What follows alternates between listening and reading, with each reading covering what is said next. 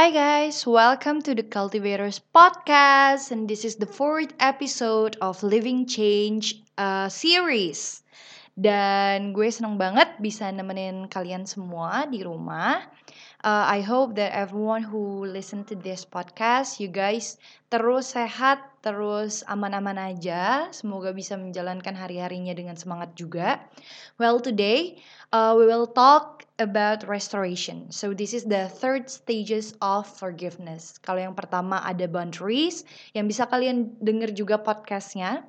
Terus yang kedua ada healing, dan yang ketiga, kita akan ngomongin tentang restoration. So again, I hope that you can open your heart, bisa buka hatinya, bisa mempersiapkan hati kita sama-sama. Kita bisa belajar kebenaran firman Tuhan lewat podcast ini. Dan I hope that this podcast can inspire us a lot in life, alright? So, tanpa berlama-lama, kita langsung mulai aja kali ya teman-teman. Oke, okay? so let's get started.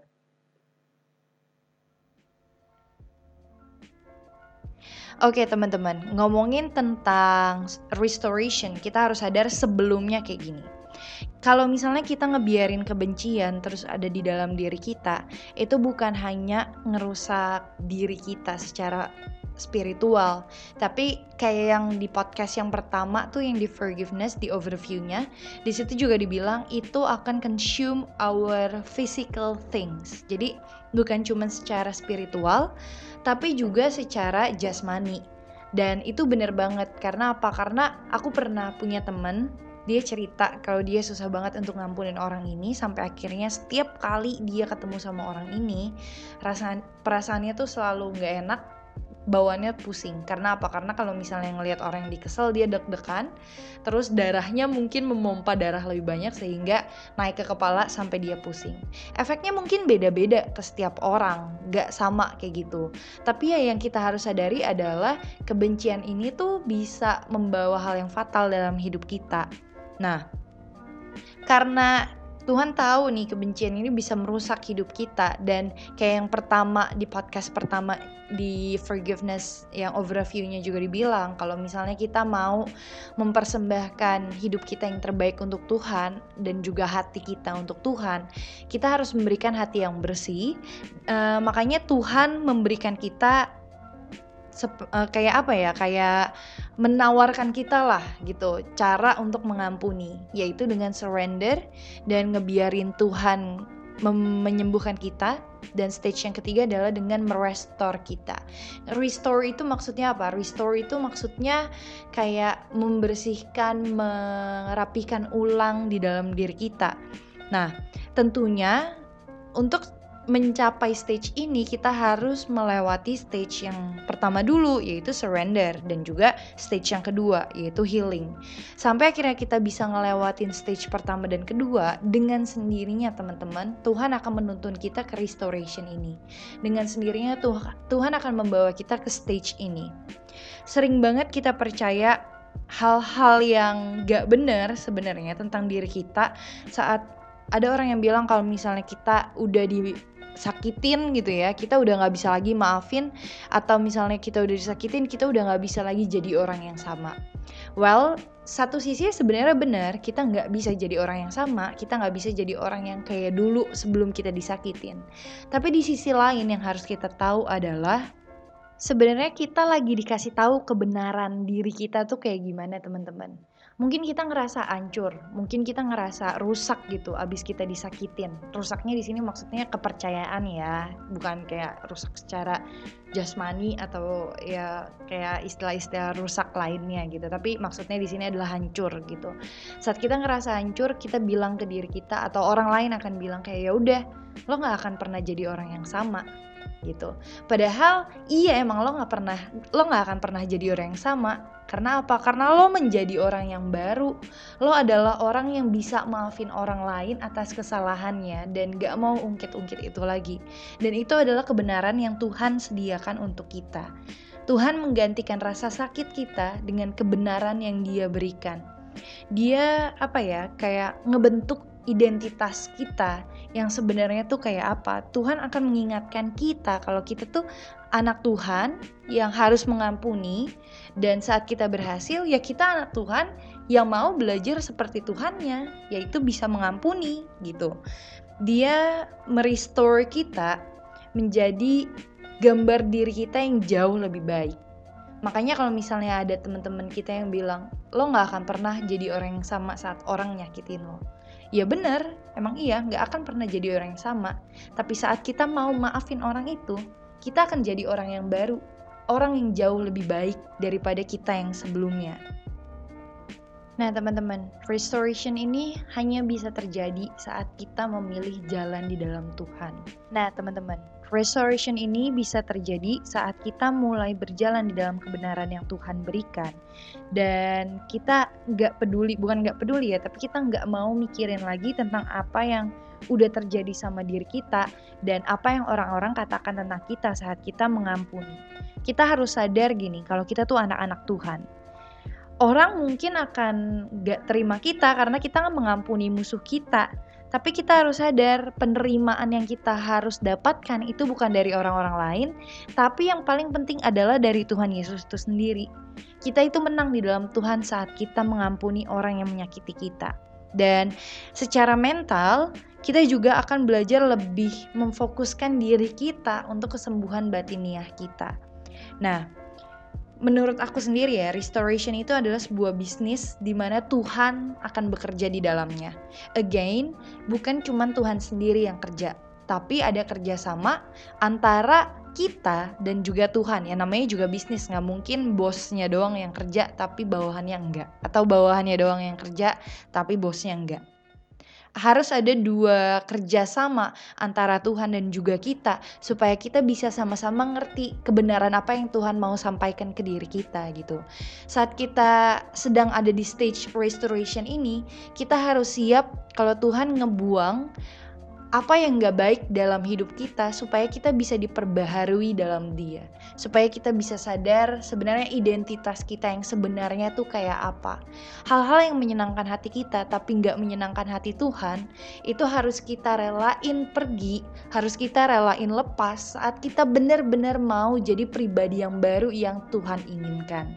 Nah kalau ngomongin restoration ini, gambaran yang paling tepat adalah kayak misalnya kita punya rumah uh, rumah itu biasa uh, berapa tahun setelah beberapa tahun ditinggalin 5 sampai 10 tahun ditinggalin itu harus ada yang namanya renovasi entah itu secara bangunannya, secara fondasinya atau entah itu secara dekorasinya gitu. Dan saat kita mau merenovasi rumah itu, kita harus relain nih barang-barang apa aja yang nggak penting yang ada di rumah harus kita buang. Barang-barang yang udah nggak kepake yang mungkin emang bagus ya harus kita buang. Karena apa? Kalau kita simpan ujung-ujungnya cuma nambah-nambahin barang bikin banyak nyamuk gitu kan. Nah, sebenarnya itu juga yang terjadi dalam diri kita.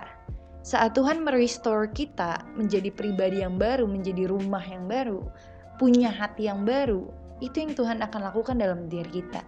Yang pertama, Tuhan akan menguatkan fondasi hati kita kepada Tuhan yang pasti. Tuhan akan menarik kita jauh lebih dekat dengan Dia. Tapi lagi-lagi mau aku tekanin itu tergantung dari respon kita.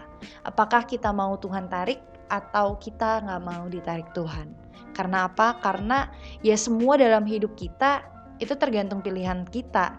Kalau misalnya Tuhan mau kita datang ke Tuhan gitu ya. Tuhan mau nih kita datang ke Tuhan tapi kita yang nggak mau. Tuhan gak akan pernah paksa. Karena apa? Karena Tuhan menghargai kehendak bebas manusia gitu. Makanya saat kita lagi ada di stage restoration ini kita harus sadar teman-teman. Saat Tuhan mau ngebuang hal-hal yang gak baik dalam diri kita saat Tuhan berusaha melep, bela, apa ya ngajak kita untuk ngelepasin apa yang menjadi kecintaan kita yang gak menyenangkan hati Tuhan yang akan menghambat pertumbuhan kita dalam Tuhan. Kita harus sadar dan kita harus berani untuk lepasin itu. Karena apa? Karena Tuhan ingin menjadikan kita indah dan kita harus mau dijadikan Tuhan indah. Kita harus mau belajar menjadi indah juga seperti Tuhan. Gitu Nah, hal yang paling penting dalam apa ya kayak merenovasi rumah itu yang pertama yang direnovasi adalah fondasinya. Makanya yang tadi aku bilang yang pertama itu fondasi hati kita yang dibenerin. Nah, yang kedua baru deh ngomongin tentang uh, appearance dari rumah itu, apa dekorasi dari rumah itu. Itu kan hal-hal kecil gitu ya dari rumah itu.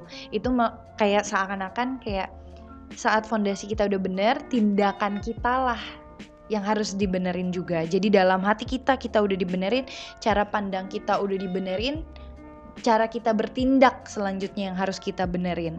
Dan itu adalah bagian dari restorasinya Tuhan yang Tuhan lakukan dalam kehidupan kita. Restorasi yang benar adalah saat restorasi itu bisa menghasilkan tindakan yang baik dalam kehidupan kita. Healing yang benar adalah healing yang bisa menghasilkan restorasi yang baik dalam hidup kita. Surrender yang benar adalah surrender yang bisa menghasilkan healing yang baik dalam hidup kita. Makanya tiga stage ini saling berkesinambungan, saling berhubungan. Kita nggak akan pernah bisa baik sama orang yang udah menyakiti kita kalau kita nggak bisa healing dengan baik. Kita nggak bisa restore dengan baik kayak gitu. Nah restoration kayak yang tadi aku bilang restoration yang baik adalah orang apa ya adalah orang yang bisa memberikan action yang baik juga. Karena apa? Karena healing apa ya pengampunan sih. Pengampunan yang kita rasakan itu bukan cuma sekedar pengampunan dari mulut tapi juga dari tindakan.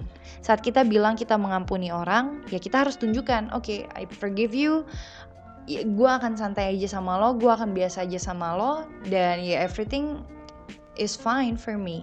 Semuanya tuh sebenarnya baik-baik aja. Dan tindakan itu yang harus kita lakukan. Karena apa?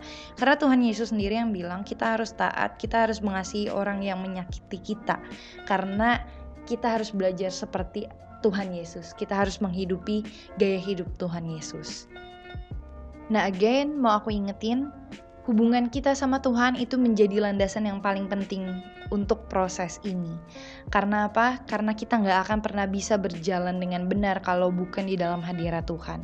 Hanya hadirat Tuhan yang bisa memperbarui pikiran kita, yang bisa memperbarui hati kita, yang bisa nuntun kita ke dalam damai, sehingga kita bisa benar-benar mengerti nih apa hal-hal yang pingin Tuhan uh, apa yang hal-hal yang nggak menyenangkan hati Tuhan yang harus kita buang dalam kehidupan kita supaya kita bisa memaafkan orang yang menyakiti kita dan terus mengasihi dia gitu. Nah teman-teman uh, untuk melanjutkan proses ini itu bukan hal yang gampang. Again, this is a process. Jadi bukan satu hari, bukan dua hari uh, terjadi bisa terjadi ketiga stage ini.